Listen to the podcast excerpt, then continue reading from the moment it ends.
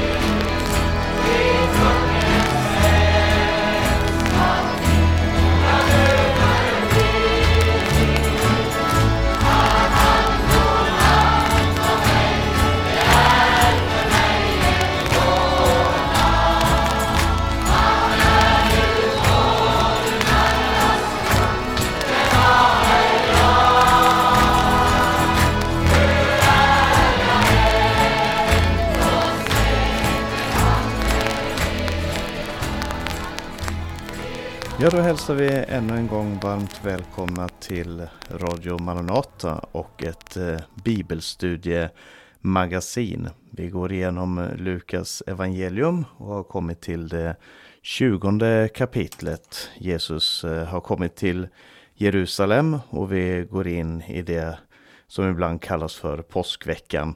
Eh, och vi som ska samtala om den här texten ifrån Lukas evangeliums 20 kapitel är eh, Hans Lindelöv, Berno Vidén och jag, Paulus Eliasson. Och eh, Hans, du ska få börja att dela den första delen av det här kapitlet. Varsågod. Ja, då läser jag från första versen då här.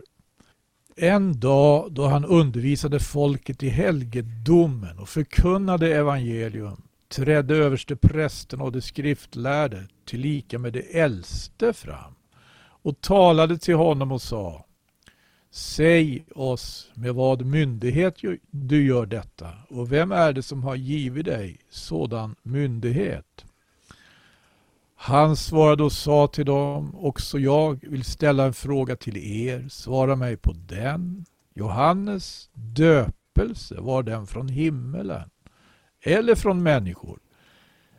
Då överlade med varandra och sa, om vi svarar från himmelen, så frågar han, varför trodde ni honom då icke? Men om vi svarar från människor, då kommer allt folket att stena oss. För alla är förvissade om att Johannes var en profet. Det svarar alltså att de inte visste varifrån den var. Då sa Jesus till dem, så säger icke heller jag er med vad myndighet jag gör detta. Och han framställde för folket denna liknelse. En man planterade en vingård och lejde ut den åt vingårdsmän och for utrikes för lång tid. När sedan rätta tiden var inne sände han en tjänare till vingårdsmännen för att de åt denne skulle lämna någon del av vingårdens frukt. Men vingårdsmännen misshandlade honom och lät honom gå tomhänt bort. Ytterligare sände han en annan tjänare och också honom misshandlade och skymfade det och lät honom gå tomhänt bort. Ytterligare sände han en tredje, men också denne slog det blodig och drev bort honom. Då sa vingårdens herre, vad ska jag göra? Jo, jag vill sända min älskade son, för honom ska det väl ändå ha försyn. Men när vingårdsmännen fick se honom överlade med varandra och sa Det här är arvingen, låt oss dräpa honom så att arvet kan bli vårt och det förde honom ut ur vingården och dräpte honom. Vad ska nu vingårdens herre göra med dem? Jo, han ska komma och förgöra det vingårdsmännen och lämna vingården åt andra. När de hörde detta sa de bort det. Då såg han på dem och sa, vad betyder då detta skriftens ord? Den sten som byggningsmännen förkastade den har blivit en hörnsten. Var och en som faller på den stenen, han ska bli krossad. Men den som stenen faller på, honom ska den söndersmula. Och det skriftlärde och översteprästen hade gärna velat gripa honom. Ja. ja, men det var det här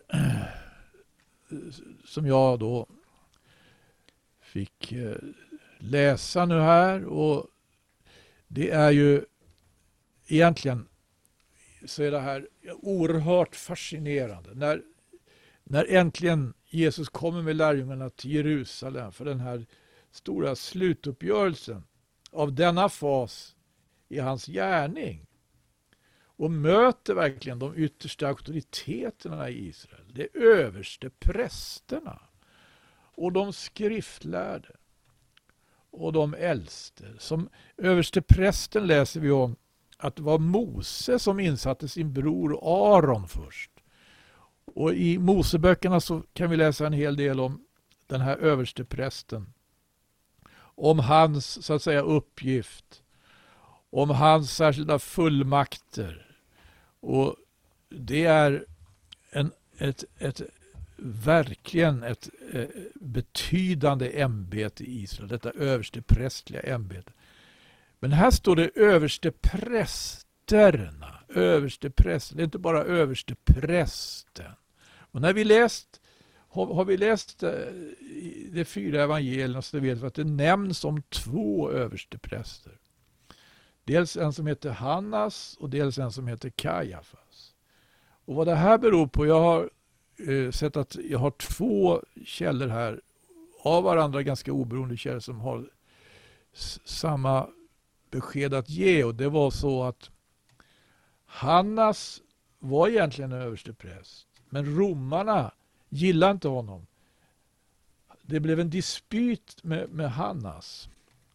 Och därför så avsatte romarna Hannas och tillsatte ha, Hannas eh, svärson Kajafas. Och det var den situationen som rådde Israel, judarna, gillade inte att romarna gjorde så och de höll sig till Hannas. Men i alla affärer så, som angick romarna så var det Kajafas som fick träda fram då.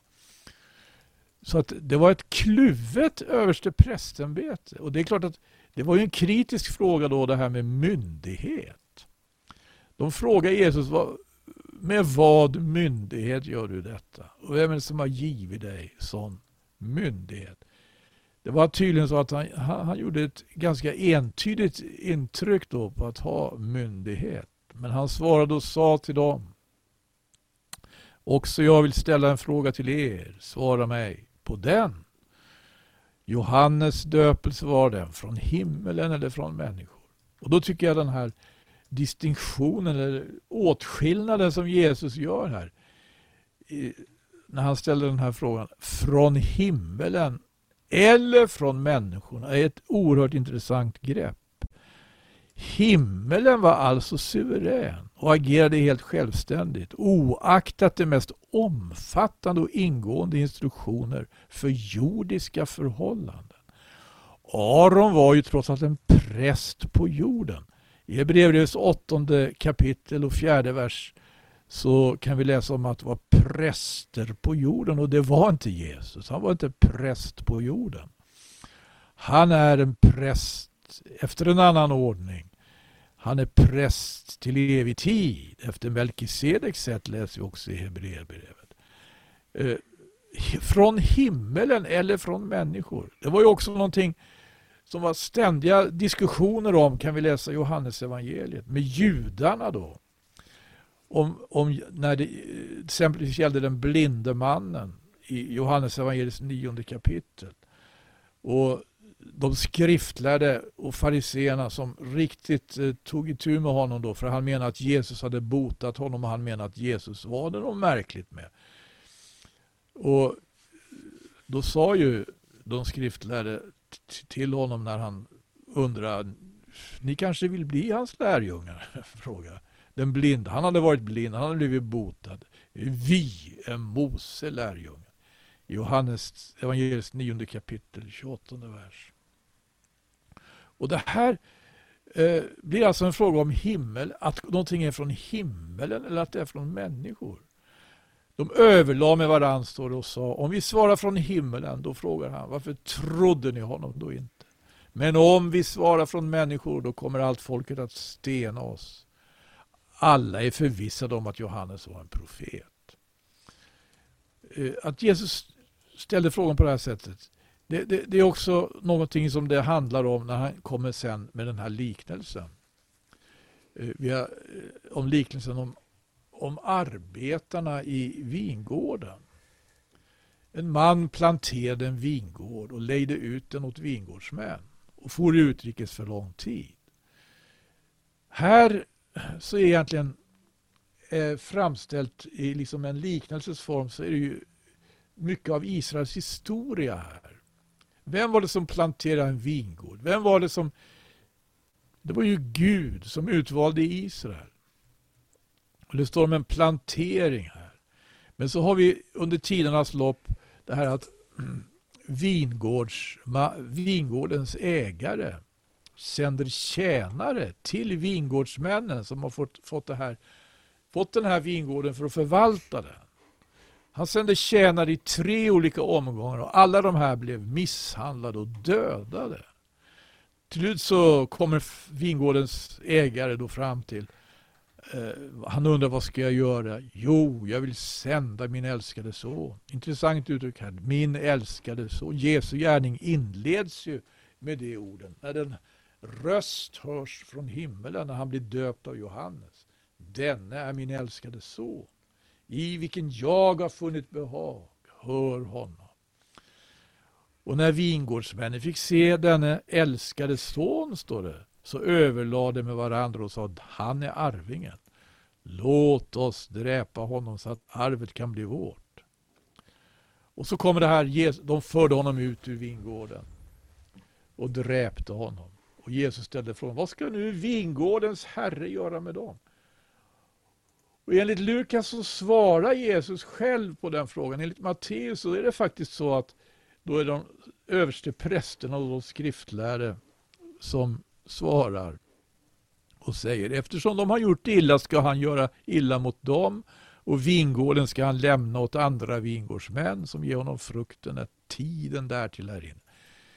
Sa de det själv eller var det Jesus som la orden? Var det Jesus som så att säga, ja, där finns olika uppfattningar men det var i alla fall samma uppfattning om vad, vad resonemanget här ledde fram till. Att eh, Jesus citerar den här versen från den 118 salmen. Vad betyder då detta skriftens ord? Den sten som byggningsmännen förkastade, den har blivit en hörnsten. Och så kommer också det här, eh, alltså, som verkligen är värt att fundera på. Var och en som faller på den stenen ska bli krossad. Men den stenen faller på, honom ska den söndersmula. Det här, det här är ju verkligen mycket allvarligt tycker jag. När jag var ganska nyomvänd på 70-talet, då gick jag i en bibelskola i Finland och, jag, och det var amerikaner som drev den.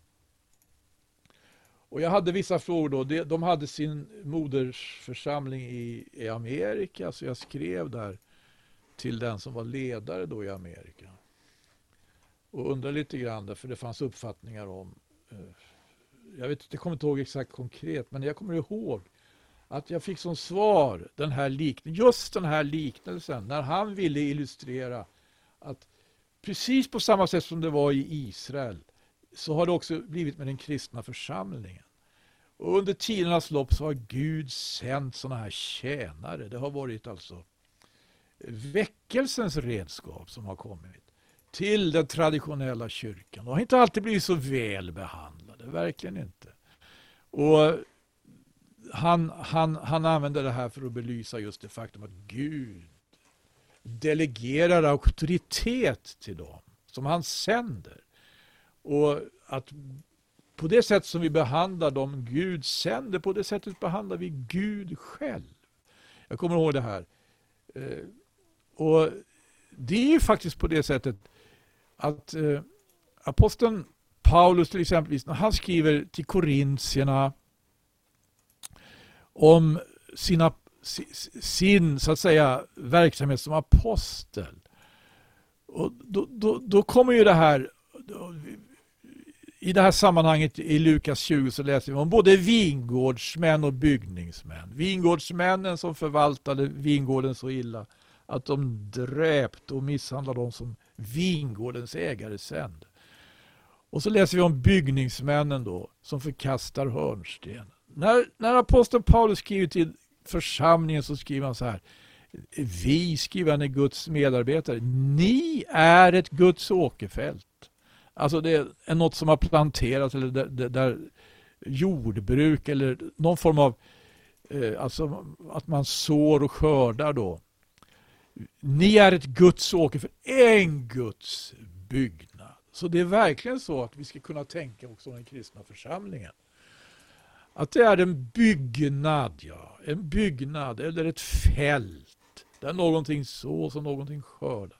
Och vad har egentligen under tidernas lopp skett då för den kristna? Kan det gå så illa också för att den kristna församlingen faktiskt vänder sig bort från själva hörnstenen. Ja, det är verkligen värt att tänka på. Den här liknelsen tror jag är tillämpbar även i vår tid. Även om Eh, det går, när det kommer till den älskade sonen så vet vi att han kommer inte den, den gång, han kommer han kommer att komma, men han kommer inte på samma sätt som han kom då. Så att det går att misshandla honom, så att det går att dräpa honom. Men han kommer att komma. Så funderar jag när det gäller de här. Den här delen av kapitel 20 i Lukas. Amen. Ja, tack ska du ha.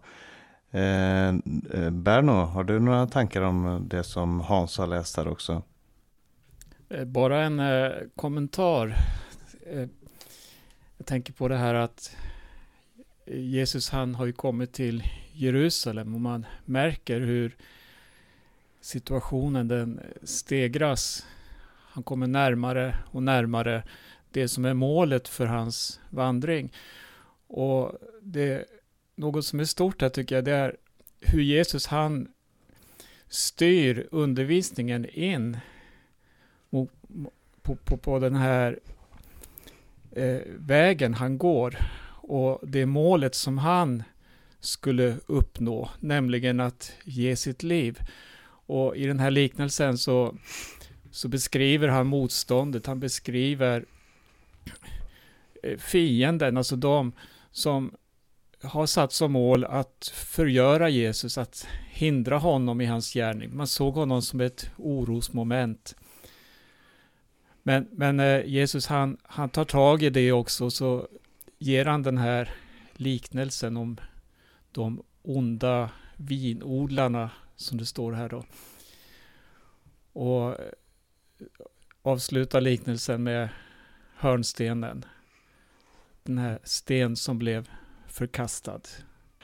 Ja, och jag, jag lägger märke till att eh, det finns ett eh, eh genomgående tema i det här kapitlet också. Eh, och det finns en parallell för att eh, eh, här är det Jesus som, som kommer med ett dilemma till de överste prästerna och de skriftlärda och, och de äldste.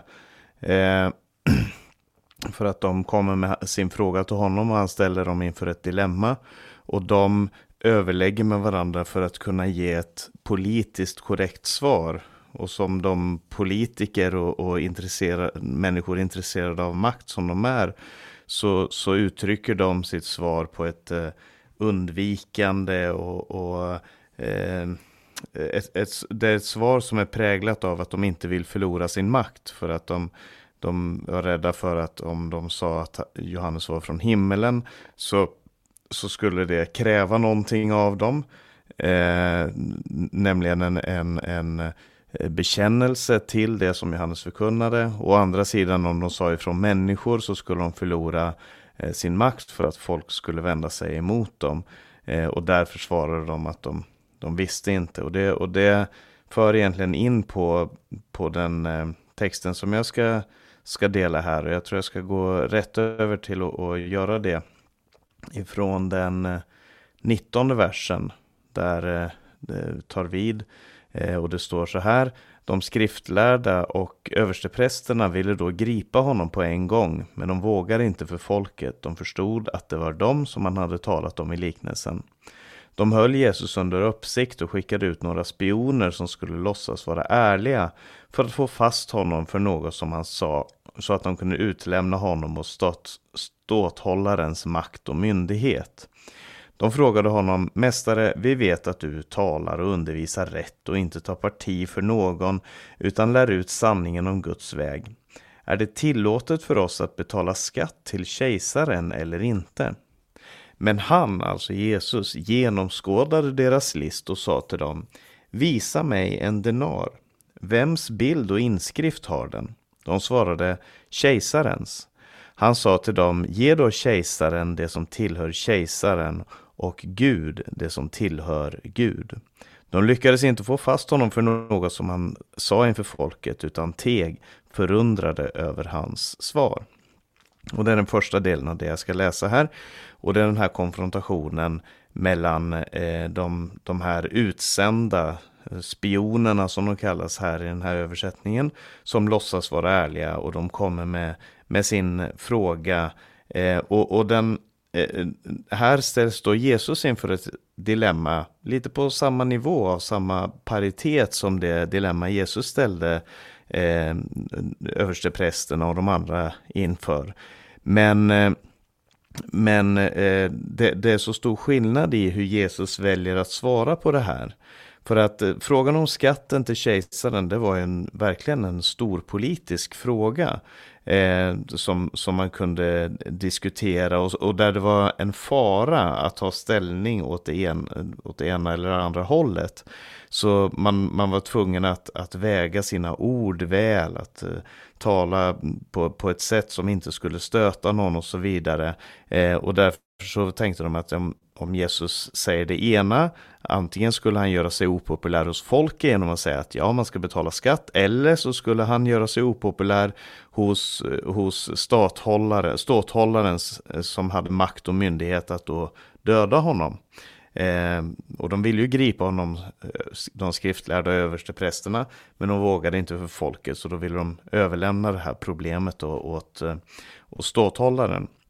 Men Jesus, eh, och, och de ville gärna placera Jesus i ett fack och i deras värld så fanns det två fack. Antingen så var man för skatt eh, och stod på kejsarens sida eller så var man mot skatt och då stod man på folkets sida.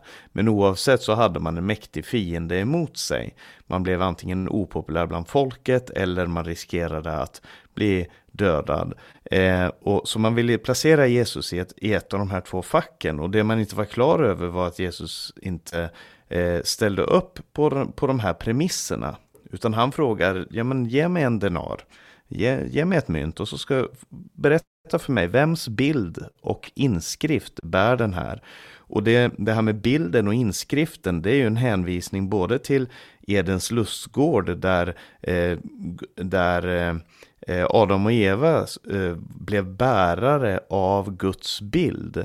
De, de är skapade i Guds avbild, alltså för att vara Guds representanter på jorden. Och dessutom eh, det som eh, översteprästen skulle vara som en representant för folket, där han hade Guds namn skrivet på sin panna eh, Jave, eh, eh, Kadosh Javé, som alltså är helgad åt Herren. Men på de här mynten, det som man handlade med, det som man hade dagligen och, och betalade med, på där, där var det en annan inskrift. Och det var kejsarens bild och hans inskrift. Och det, det Jesus pekar på här, deras dubbla eller egentligen en, en delad lojalitet som blir lojalitet åt någon annan. Som man säger tidigare, man kan inte tjäna två herrar. Man kommer antingen hata den ena och älska den andra eller tvärtom. Och eh, därför så, säger, så blir frågan då, vad tillhör Gud? Ja, för det första, de stod ju där i tempelområdet. Guds tempel, det var Guds tempel, men man hade gjort det till en handelplats. Och för det andra, de själva tillhörde Gud, men de hade givit sig hän åt den här storpolitiken och den makt som man kunde få, den, det inflytande och rikedom eh, och, och anerkännande som man kunde få ifrån andra. Eh, och, och, jag tycker att det här är så aktuellt för församlingen idag också, för att vi ställs också inför dilemman när det gäller krig och fred, när det gäller eh, invandringspolitik, när det gäller abortpolitik, andra eh, storpolitiska intressanta frågor. Och frågan är var, och folk frågar, ja men vart står ni i den här frågan? Och vi måste vara klara över var vår lojalitet ligger. Vår lojalitet ligger inte åt vänster eller höger. Vår lojalitet är uppåt. Den vi, och, och vi måste lära oss att tänka som Jesus. Och detsamma händer då i, i den nästa delen av texten här som är mer en religiös fråga. För att då frågar de härifrån den 27 versen. Sen kom det fram några sadukeer, de som förnekar att det finns en uppståndelse.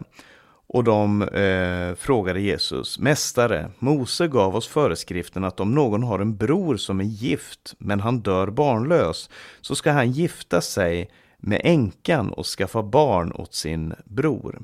Nu fanns där sju bröder. Den första tog sin hustru, men dog barnlös. Ska jag se här för min bibelöversättning har missat något ord här. Jag tror jag ska kolla vad det står i eh, 1917. Ja, då står det. Då tog den andra i ordningen henne eh, och därefter den tredje gifte sig med henne och så gjorde de alla sju, men de dog och efterlämnade inga barn. Till slut dog också kvinnan. Så vems hustru blir hon vid uppståndelsen? Alla sju var ju gifta med henne. Om vi stannar där för ett ögonblick, för att för våra moderna öron så låter det här jättemärkligt, men man hade alltså en, en ordning när det gällde arvrätten i Israel som gjorde att den äldste sonen i en familj, han ärvde den marken som, som familjen ägde. Eh, och om det var så att den här sonen gifte sig och så i, eh, dog innan han fick barn, så var det nästa brors uppgift att gifta sig med, med sin svägerska då, den här änkan, och ge henne barn som då skulle bära sin sin farbrors, sin döde farbrors namn. Eh, och på så sätt föra arvet vidare eh, på det här sättet. Och nu har de då ett dilemma för Jesus där det är sju bröder där alla gifter sig med den här i tur och ordning för att de alla dör barnlösa. Och till slut dör kvinnan och då är frågan hur blir det vid uppståndelsen? Och argumentet är ju då att det blir ju bara absurt. Alla sju kan ju inte gifta sig med henne, alltså ergo det finns ingen uppståndelse. Eh, och Jesus svarar dem då, de som lever i den här världen gifter sig och blir bortgifta, men de som anses värdiga att nå den andra världen och uppståndelsen från de döda, de varken gifter sig eller blir bortgifta. De kan inte dö längre för de är som änglarna och är Guds barn eftersom de är uppståndelsens barn. Men att de döda uppstår, det har också Mose visat vid stället om törnbusken, när han kallar Herren Abrahams Gud och Isaks Gud och Jakobs Gud. Han är inte de dödas Gud, utan de levandes, för honom är alla levande. Då sa någon av de skriftlärda, Mästare, bra sagt, sedan vågade de inte ställa någon mer fråga till honom. Och i, i den här eh, situationen så var det då som sagt sadukéerna, de förnekade uppståndelsen för de trodde bara på de fem Moseböckerna som auktoritet, eh, som Guds ord.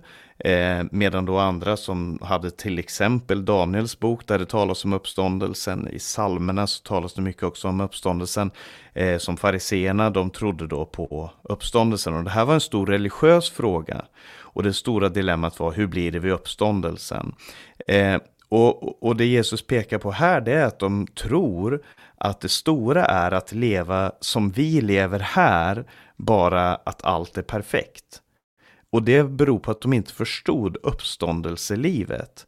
Det, det är som om en, eh, om man skulle säga, det, det, jag hörde en berättelse i ett barnmöte en gång om några kor som fabulerade och så tänkte hur livet skulle vara om de fick bestämma själva, om de fick vara människor. För det var ju liksom bättre att vara människa. Och så sa åh, om jag hade varit människa då ville jag haft en jättelång svans för då kunde jag vifta bort alla flugor.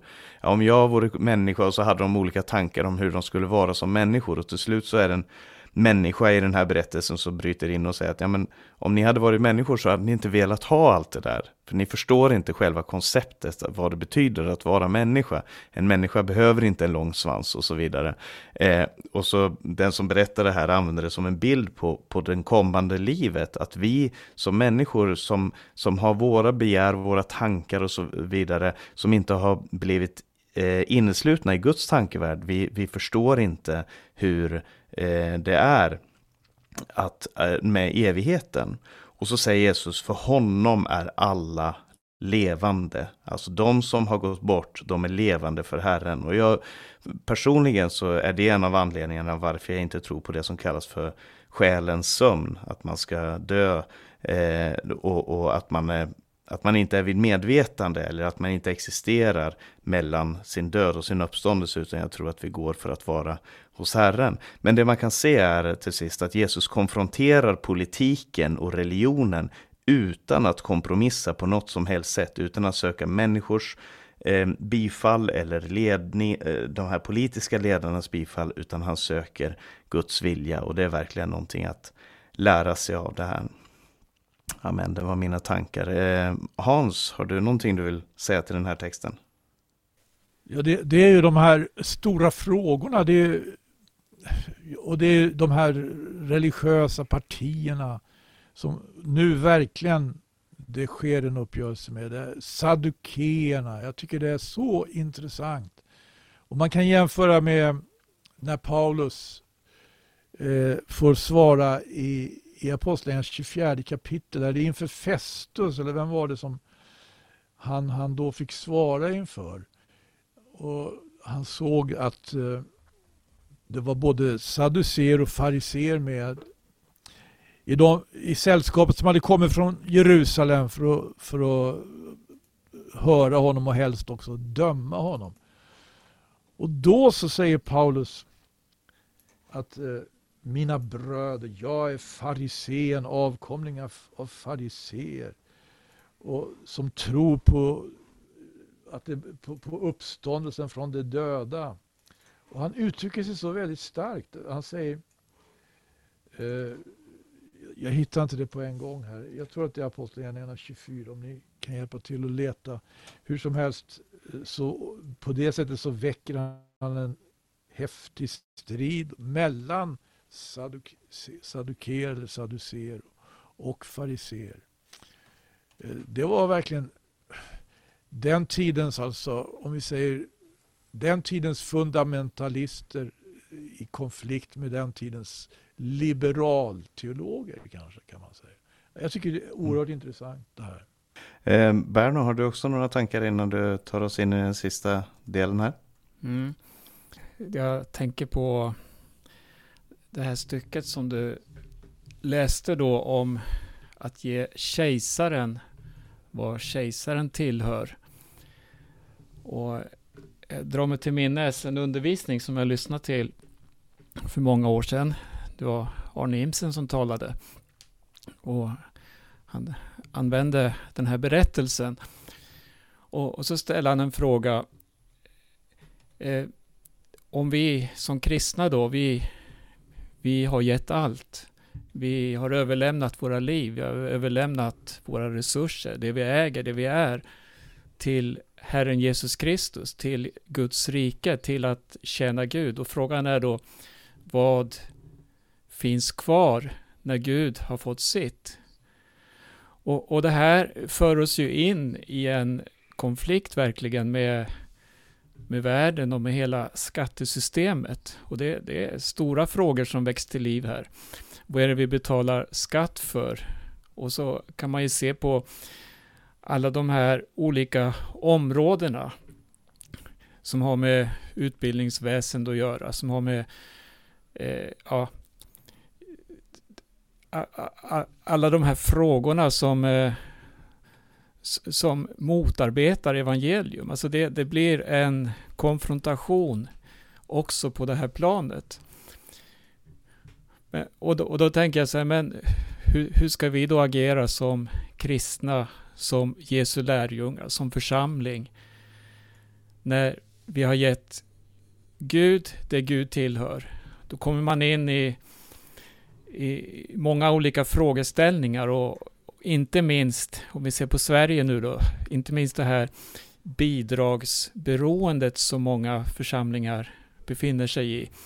Där man styrs då konkret av myndigheter om hur man ska bedriva mission, hur man ska bedriva bistånd och även församlingsverksamhet på olika sätt. Och här tror jag det är viktigt att vi är vakna så att vi med frimodighet inte låt, ja, kan alltså säga att det vi har fått och det uppdraget vi har fått det är att förkunna Guds rike, det är att leva Guds rike. Så att vi inte låter oss köpas på olika sätt genom skattesystem och bidragssystem och så vidare. Eh, lite sådana här funderingar som, som jag tänk, har när jag läser det här och lyssnar. Amen. Ja, du får gärna ta med oss in i sista delen här. Där eh, ställs frå- där Jesus än en gång konfronterar Eh, Eh, de här skriftlärarna. Varsågod. Ja, och då ska vi läsa från vers 41. Jesus sade till dem, hur kan man säga att Messias är Davids son? David säger ju själv i Saltaren Herren sade till min herre Sätt dig på min högra sida tills jag lagt dina fiender som en pall under dina fötter. David kallar honom alltså Herre. Hur kan han då vara hans son? Medan allt folket hörde på eller förlåt, medan allt folket hörde på sade Jesus till sina lärjungar Akta er för de skriftlärda som njuter av att gå runt i långa mantlar och älskar att bli hälsade på torgen och få de främsta platserna i synagogorna och hedersplatserna vid festmåltiderna. De äter änkorna ur husen och ber långa böner för syns skull. Det ska få en så mycket strängare dom. Ja, här, här vänder Jesus sig till dem då som eh, tidigare på ett sätt gav honom rätt mot eh, saduceerna. De, de sa ju att då, då, då, Jesus talade just om uppståndelsen så fick han ju uppbackning för det. Och utav fariseerna som också tror på uppståndelsen. Men saduceerna trodde ju då inte på uppståndelsen. Frågan var med vilken rätt kan man säga att Messias är Davids son? Och det var ju en vanlig förståelse som eh, David själv också uttrycker i den här salmen som citeras. Och eh, David han skriver ju det att Messias han är något för mer än bara Davids son. Och Gamla Testamentet har förutsagt vid flera tillfällen att Messias som ska komma är ättling till David. Och eh, jag, vill, jag vill citera ett stycke ur Jesaja 9. Det är ett ganska känt bibelställe. En profetia om Messias. Och då står det i vers 6 så här. För ett barn blir oss fött, en son blir oss given. På hans axlar vilar herradömet och hans namn är under, rådgivare, mäktig Gud, evig far, fridsförste. Så ska herradömet bli stort och friden utan slut över Davids tron och hans rike. Det ska befästas och stödjas med rätt och rättfärdighet från nu och till evig tid. Här, här ser vi ju eh, ja, en enorm vision om Messias rike utan ände. Men det står också att det är över Davids tron. Och så här kan vi utläsa gång på gång i skriften då hur Davids son också är Davids herre. Alltså den eviges rike.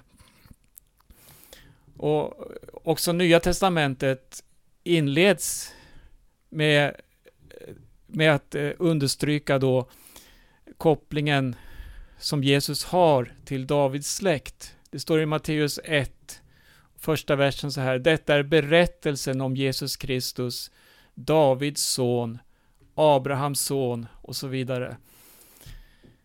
Romarbrevet eh, skriver så här i sin inledning. Evangeliet handlar om hans son som till sin mänskliga natur är född av Davids ett. Men han är ju så mycket mera. Han är ju också Guds son. Messias är Davids herre. Eh, när vi läser vers 43 så står det så här tills jag lagt dina fiender som en pall under dina fötter.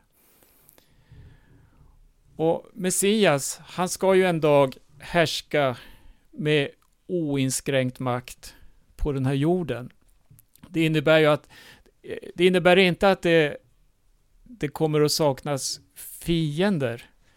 Men fienden kommer att tvingas till att inta en ödmjuk ställning i mötet med rättfärdighetens konung, när han ska regera med rätt här på jorden.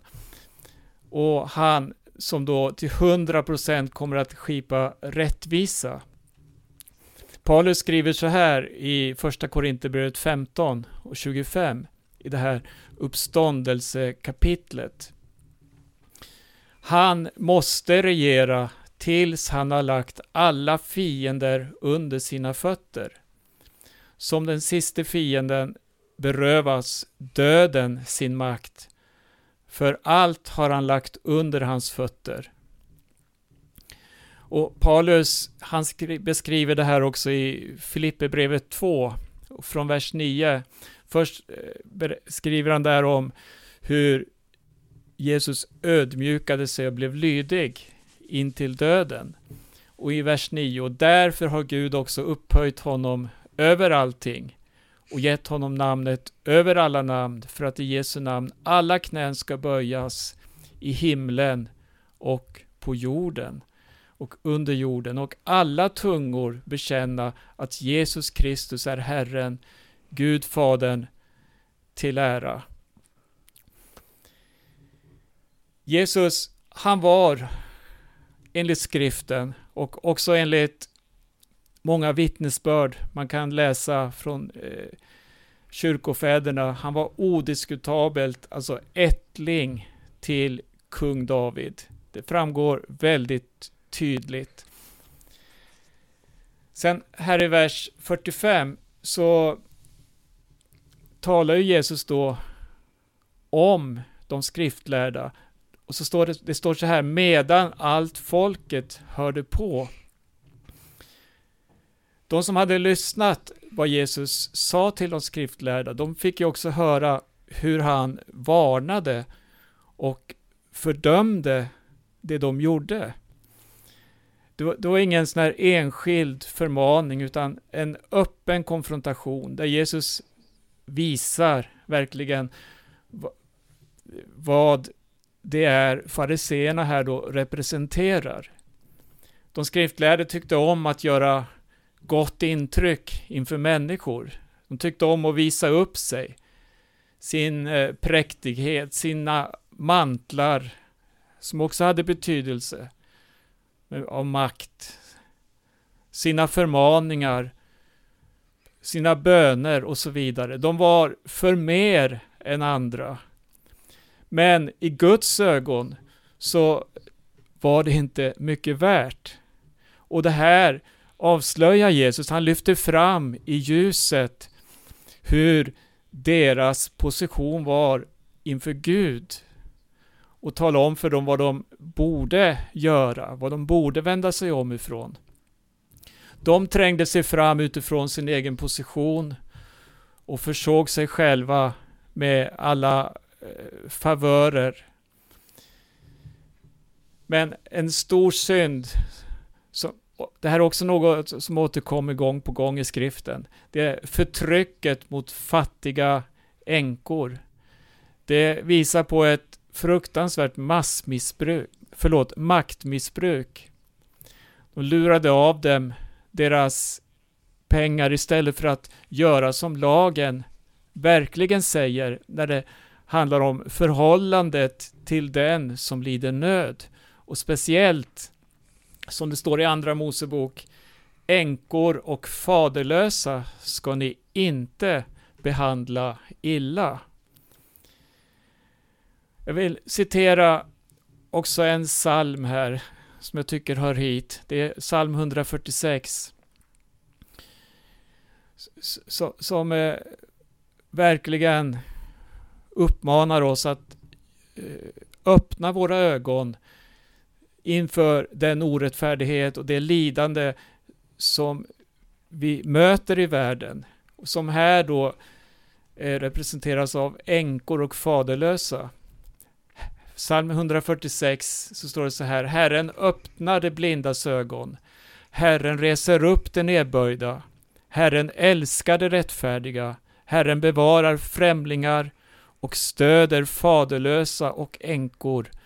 Men det gudlösas väg gör han krokig. Herren är kung för evigt, din Gud Sion, från släkte till släkte. Det, här är förmaningsord som vi bör ta till oss. Eh, för den här problematiken möter vi också i många kristna församlingar. Det fanns på Bibelns tid. Paulus skrev till eh, Timoteus om eh, personer som smög sig in i hemmen för att snärja svaga kvinnor som var tyngda av synder och så vidare. Ja, så vi får ta till oss det här rättfärdighetens budskap som eh, Jesus förmedlar i, i, i den här konfrontationen med fariseerna. Jag tror jag stannar där. Mm. Ja, tack ska du ha. Eh, Hans, har du också några kommentarer till den här texten? Ja, just det här alltså, Jesus blev ju kallad för Davids son rätt så frekvent. Va? Ja, inte, ja, alltså folk ropar på honom. Den blinde som var utanför Jeriko och andra. Davids son, förbarma dig över mig. Det finns ju flera exempel på. Jesus hade aldrig några invändningar, men när han kommer till Jerusalem och har de här skriftlärde framför sig, kan så måste han eh, ta itu med någon förutfattad mening. Det verkar så. va. Det Messias ideal som det liksom omhuldar med David som förebild, det är i alla fall trots allt någonting mer med Jesus. Jag vill bara innan vi avslutar här också på, påminna om att eh, när, när Jesus eller några andra av de som eh, skriver och talar i det nya testamentet eh, citerar någonting från gamla testamentet så kan det vara en väldigt god idé att eh, läsa hela den texten i sitt sammanhang. Som, som till exempel här när Jesus då citerar ifrån psalm 110, 110 så, så eh, uppenbarar den psalmen väldigt mycket av vad, vad det är som händer i den här situationen som Jesus är i här. Eh, och, och det visar hur, hur Jesus identifierar sig själv när han, när han eh, talar om Messias, Davids son, som talar till honom som min herre. Ibland judarna och, och på den tiden så var det ju alltid räknat så att en, en förälder stod över sin son, i, i, sitt barn i varje situation. Och ju längre bak du gick desto högre auktoritet eh, fick man. Och det är därför det blir så kontraintuitivt då för de här människorna som tänker sig på sig Messias som Davids barnbarns barnbarns barnbarns barn, men ändå så omtalas han som Herre. Och, och jag tror att eh, Jesus här påpekar bland annat det faktum att han alltid har existerat. Att Davids son inte bara är en, en person som ska komma senare, utan att det är den inkarnerade Gud som han faktiskt talar om. Eh, och sen är det intressant att se det här där han säger akta er för de skriftlärare som njuter av att gå runt i långa mantlar och älskar att bli häls hälsade på torgen. Och, och, mycket av undervisningen i Bibeln handlar ju om det här. Vad är det vi njuter av? Vad är det vi längtar efter? Vad är det vi älskar? Och här får vi ju konfrontera oss själva också verkligen. Eh, och fråga oss vad, vad är det vi vill eh, med, med vårt liv? Vad är det vi, vi önskar oss? Vad är det vi vill se för någonting i vårt eget liv och, och i andras liv? Eh, det är en, en utmaning och, och en, eh, ja, en, en fråga som verkligen är aktuell för oss allihop. Miljoner eh, följare på Facebook. Ja, precis. Njuter av, njuter av att få likes. Jag måste få korrigera att... mig själv. Jag, jag, sa att när Paulus utnyttjar konflikten mellan, mellan fariseer och saduceer, det var inte Apostlagärningarna 24, men Apostlagärningarna 23. Där kan man ifrån den fjärde versen läsa om detta. Just Ja, just det. Ja, men det är bra.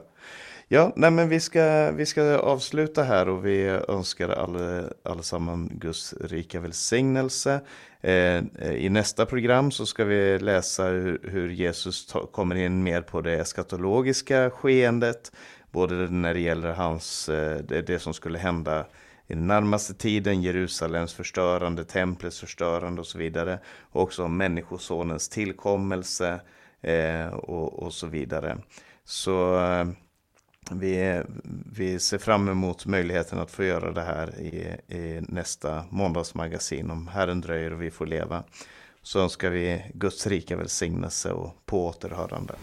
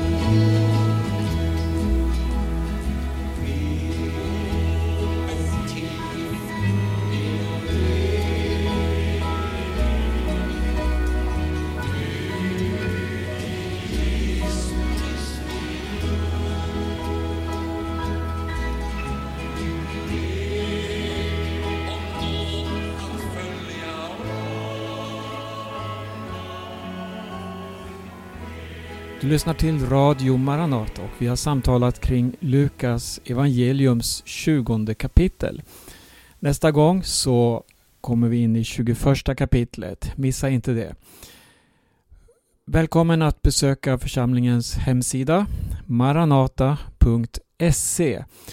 Där kan du läsa också om sommarkonferensen som kommer att hållas i södra Dalarna i Långshyttan den 13 till 17 juli.